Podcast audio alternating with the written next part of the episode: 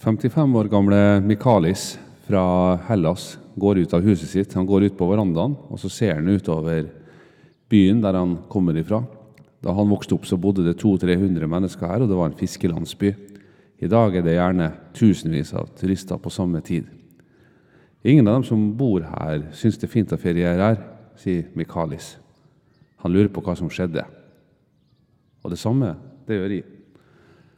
Jeg heter Odd Roar Lange, og eh, du har kommet til The Travel Inspectors eh, reisepod. Velkommen tilbake. Vi skal snakke litt om dette om å reise litt i egen, egen bakgård, eller egen hage. Vi har eh, fått et annerledes år. Vi har fått beskjed om at vi må reise i eget land i år. Du kan ikke reise til utlandet. Det, vil si det kan hende det åpnes opp på sensommeren eller utover høsten. Og noen er jo klar på spranget og vil dra så fort som mulig. Jeg har ikke helt skjønt dette med, med konkurransen i det å reise. Det er ikke om å være først. Det er ikke om å komme raskest gjennom sikkerhetskontrollen eller tollgrensene og komme seg ut av Norge når det er såpass fint som vi har det i Norge. Og det er jo en grunn til at vi har, har det så bra her. Det er fordi vi har kloke folk som tar kloke beslutninger for oss, både i gode og onde dager. Så jeg skal slå et lite slag for det å, å reise i egen bakgård. Jeg er helt sikker på det at samme hvor du bor i Norge, så kan du ta en passer i hvert fall en virtuell passiv være på ordentlig en gang. Slå den rundt, sånn fem mils avstand rundt der du bor. Da får du altså en, en, en runde på til sammen ti mil. Innenfor her så kommer du til å finne så mange fine reisemål at du rekker ikke over dette i løpet av sommeren. Du rekker ikke i løpet av høsten engang. Sannsynligvis er det plasser her som du har tenkt dit skal jeg jo dra en gang. En gang eh, seinere, når jeg får tid. Når jeg ikke skal til NIS eller London eller ikke skal til København eller Nord-Jylland, når de ikke skal til Syden, da skal jeg dra dit. Jeg har hørt om det, eller jeg var der når jeg var liten. Vel, hvorfor ikke snu på det og tenke at da er det i år jeg skal gjøre det, da? Da drar vi dit i år. Drar vi på oppdagelsesferd i egen bakgård. Det trenger altså ikke å være noe negativt med bakgården. Det kan være den fineste bakgården i verden. Og det kan være et sted som folk reiser jorda rundt for å komme seg og for å oppleve. Og du kan reise dit uten at det koster deg noe som helst. Og Da skal jeg komme inn på dette med, med kostnad. Det er jo så dyrt å reise i Norge, sier mange. Ja, Jeg skal ikke bruke så veldig lang tid på å finne steder å dra til, eller hotell, eller, eller eh, ting som koster masse penger i Norge. Men stort sett da så henger det veldig sammen med at det er det verdt. Hvis det er dyrt, så er det antageligvis verdt det. Og ikke antagelig, så er det noen få unntak. Og her må jeg jo rette en liten pekefinger til noen av disse store kjederestaurantene vi har, eh, som leverer altfor mye halvfabrikater. De tar samme prisen for en biff der som du får, eller til og med dyrere, enn eh, andekonfitt på eksklusive Teaterkafeen i Oslo. Så enten så er det overpriser på kjederestauranten, eller så er det underpriser på Teaterkafeen. Og jeg vil tro at det er det første.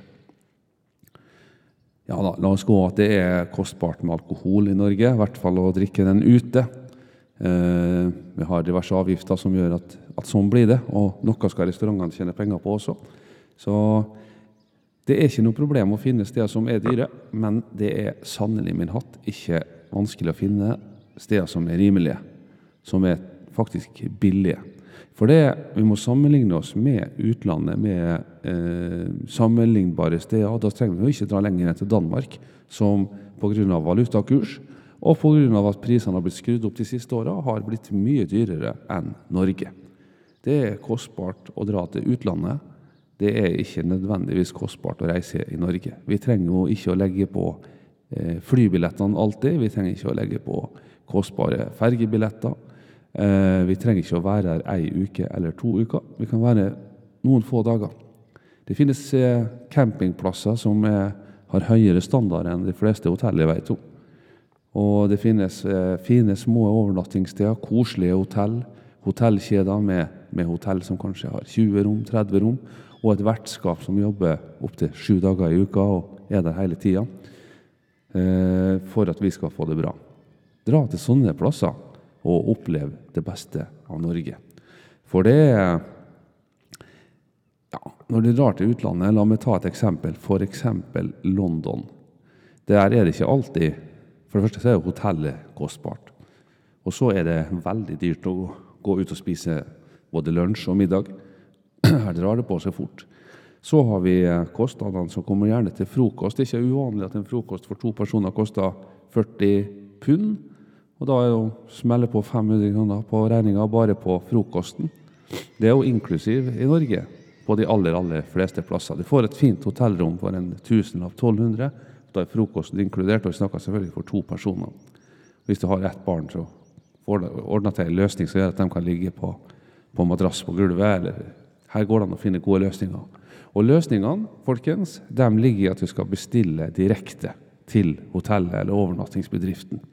Ikke gå via booking.com eller hotels.com eller andre utenlandske eh, bookingmotorer. Noen har eh, norskklingende navn, så du får ta en liten vurdering sjøl. Men gå heller direkte til hotellets eh, hjemmeside eller kjede, kjede, kjeden til hotellet sin hjemmeside.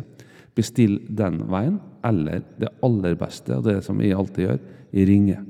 Tar opp telefonen. Det går faktisk an å ringe med telefoner i dag. Folk tror det bare er til spill og telefon og filming.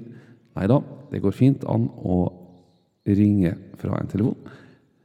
Ring og fortell hva dere har lyst til å oppleve. Eh, hvor lenge du skal være der. Spør hva du kan få dette her for, om de har et godt tilbud. Det vil du oppleve at de veldig ofte har. Tilbud som ikke nødvendigvis ligger på hjemmesida, fordi den er ikke så lett å oppdatere. Eller den er kanskje lett, men de har ikke tida til å gjøre det.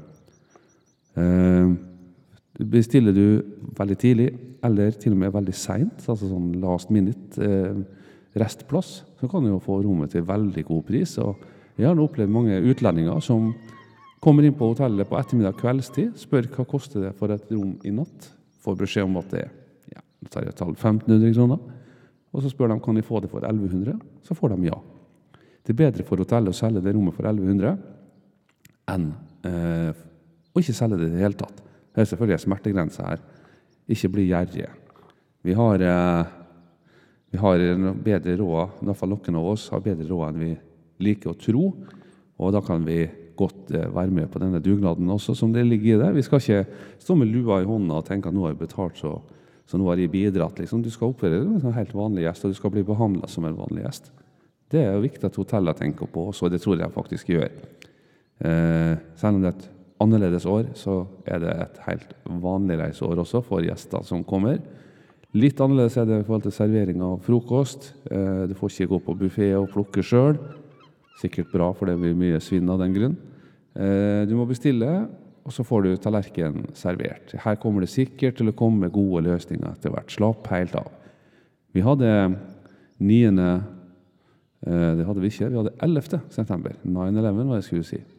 Eh, for noen år siden. Og da ble det veldig store endringer på fly, måtene vi kunne fly og reise på. Og vi tenkte at nå er det vel slutt. Nå blir det vanskelig. Dette her går jo ikke an. Vi kan ikke bli sjekka. Kan ikke sjekke hver eneste passasjer. Eh, jo, det gikk fint, det. Man finner gode løsninger som eh, gjør at det ordner seg svært, svært enkelt. Nå er det ingen som tenker på at det, at det i seg sjøl skal være en grunn til ikke å reise. Og Det samme er det med korona. Reis, eh, reis klokt, så kan du reise eh, mye også i år. Og med klokt så vil jeg absolutt anbefale at du skal reise i Norge. Ikke for at Norge sånn, i seg sjøl er et veldig mye bedre reiseland enn alle andre. Det er mange gode reiseland der ute. Men det er lett at ting kan endre seg fort. Vi blir, eh, Grenser kan stenges, regioner kan stenges. Eh, du får helt sikkert, Hvis du reiser i Europa, så får du jo samme medisinske behandling på sykehuset der som du ville fått hjemme. Eh, bortsett fra at vi belasta det lokale eh, helseapparatet helt unødvendig. Dette var det vi var redd for i Norge når Norge stengte ned, at helsesystemet skulle klappe sammen. Og det var da basert på at det var bare nordmenn her. Hvis de i tillegg skulle fylle opp med turister opp på toppen av det hele, så hadde det kollapsa. Og det samme må vi tenke andre veien. Så det er jo kanskje også et bidrag til, til reisedugnaden, at man ikke reiser i år. Jeg vet at de trenger pengene våre, men eh, det trenger de også neste år. De trenger helsa vår, eh, og at vi og alle andre kan, kan være trygge og friske. Det er ikke noe poeng i å leite etter smutthull i forhold til å få reiseforsikringa til å fungere. Det er ikke vits å leite etter smutthull. Ja, men de blir jo ikke sjekka på grensa likevel. De kommer vi gjennom. Ja, men hva er det da, folkens? Er det noe å skryte av, eller er det noe mål? Å jukse seg inn? Er ikke vi ferdig med sånt? Kan ikke vi forholde oss til de reglene som er? Og så I stedet for å bli så irritert ja, men de får nå lov å åpne, og vi får ikke åpne. Dette handler om at summen av åpning Det er ikke at ikke for, Man kunne spilt fotballkamper for, for smågutter i Norge, eller småjenter. Poenget er at det kommer på toppen av alt det andre. Så man ønsker å se hvordan det går når man åpner opp forsiktig. Det er som når vi som har hatt barn og lar tenåringene våre få lov å være litt ute litt seinere, eller få være hos venner vi kanskje ikke kjenner. Så prøver vi oss litt fram, så ser vi at dette går bra, så kan vi øke litt til. Og så kan vi øke litt til. Vi kan stramme inn hvis vi ser at det ikke går så bra. Og det dette her handler om. Så det handler ikke om hver enkelt ting, at ikke hver enkelt ting kunne vært åpna i en annen rekkefølge. Det kunne sikkert vært gjort eh, klokere, også i forhold til reiseliv. Kanskje ikke alt skulle vært stengt ned sånn som det er. Kanskje noen hotell drar det litt for langt når de har inndratt alle magasin fra rommene. Eh, får ikke bruke salt- og pepperbøsser på bord. Ja, noen drar den langt, og noen har litt større slekk. Jeg tror vi skal være glad for at folk tenker klokt. Det er for vårt beste at dette her skjer. Så tilbake igjen til Mikalis.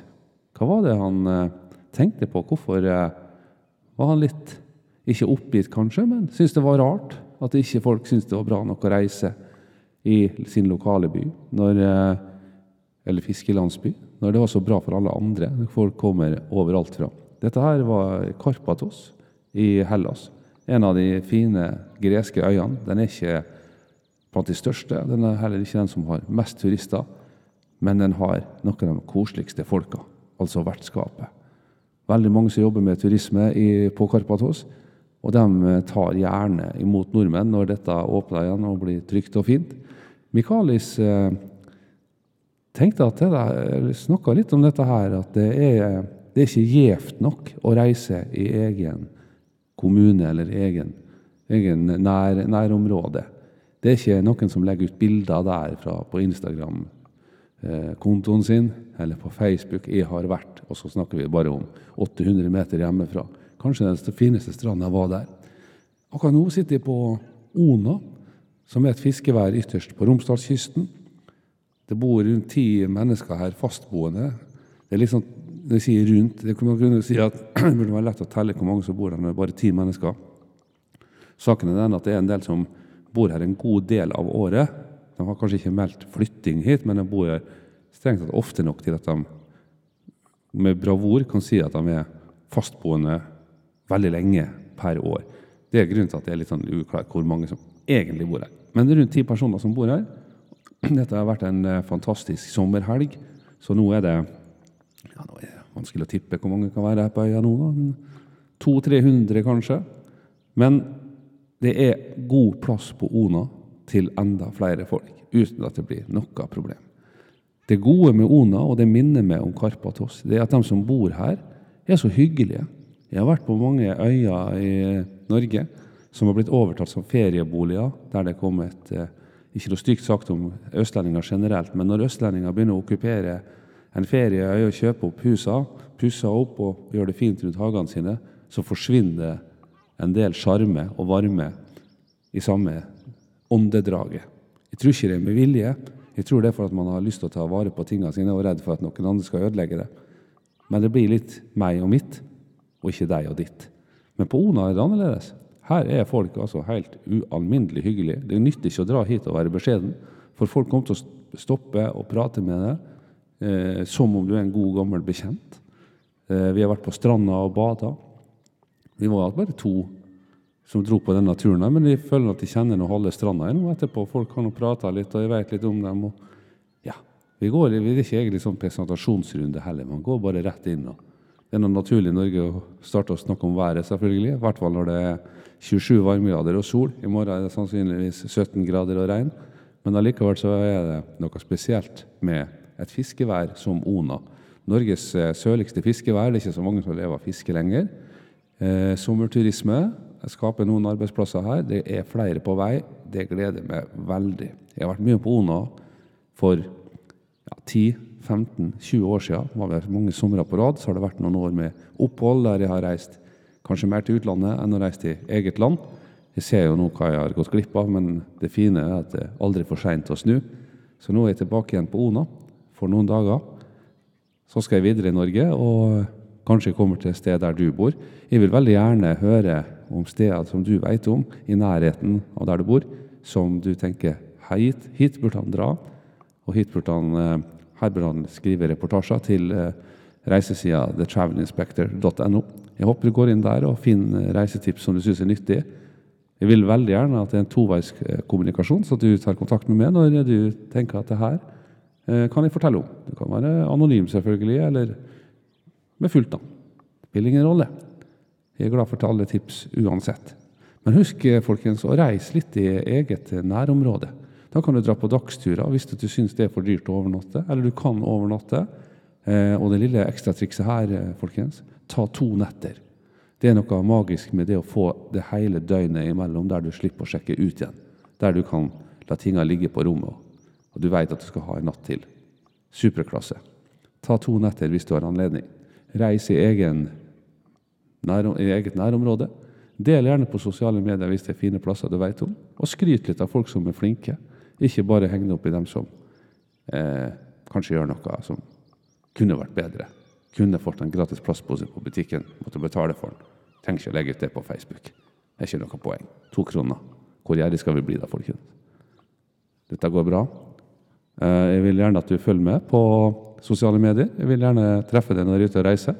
Og jeg vil gjerne at du hører på Eh, reisepodkasten til The Travel Inspector. Så høres vi igjen om ikke altfor lenge, kanskje fra et sted nære der du bor. Takk for praten, og takk for at du fulgte sendinga. Vi er tilbake før du vet ordet av det. Og ha en riktig god sommer så lenge.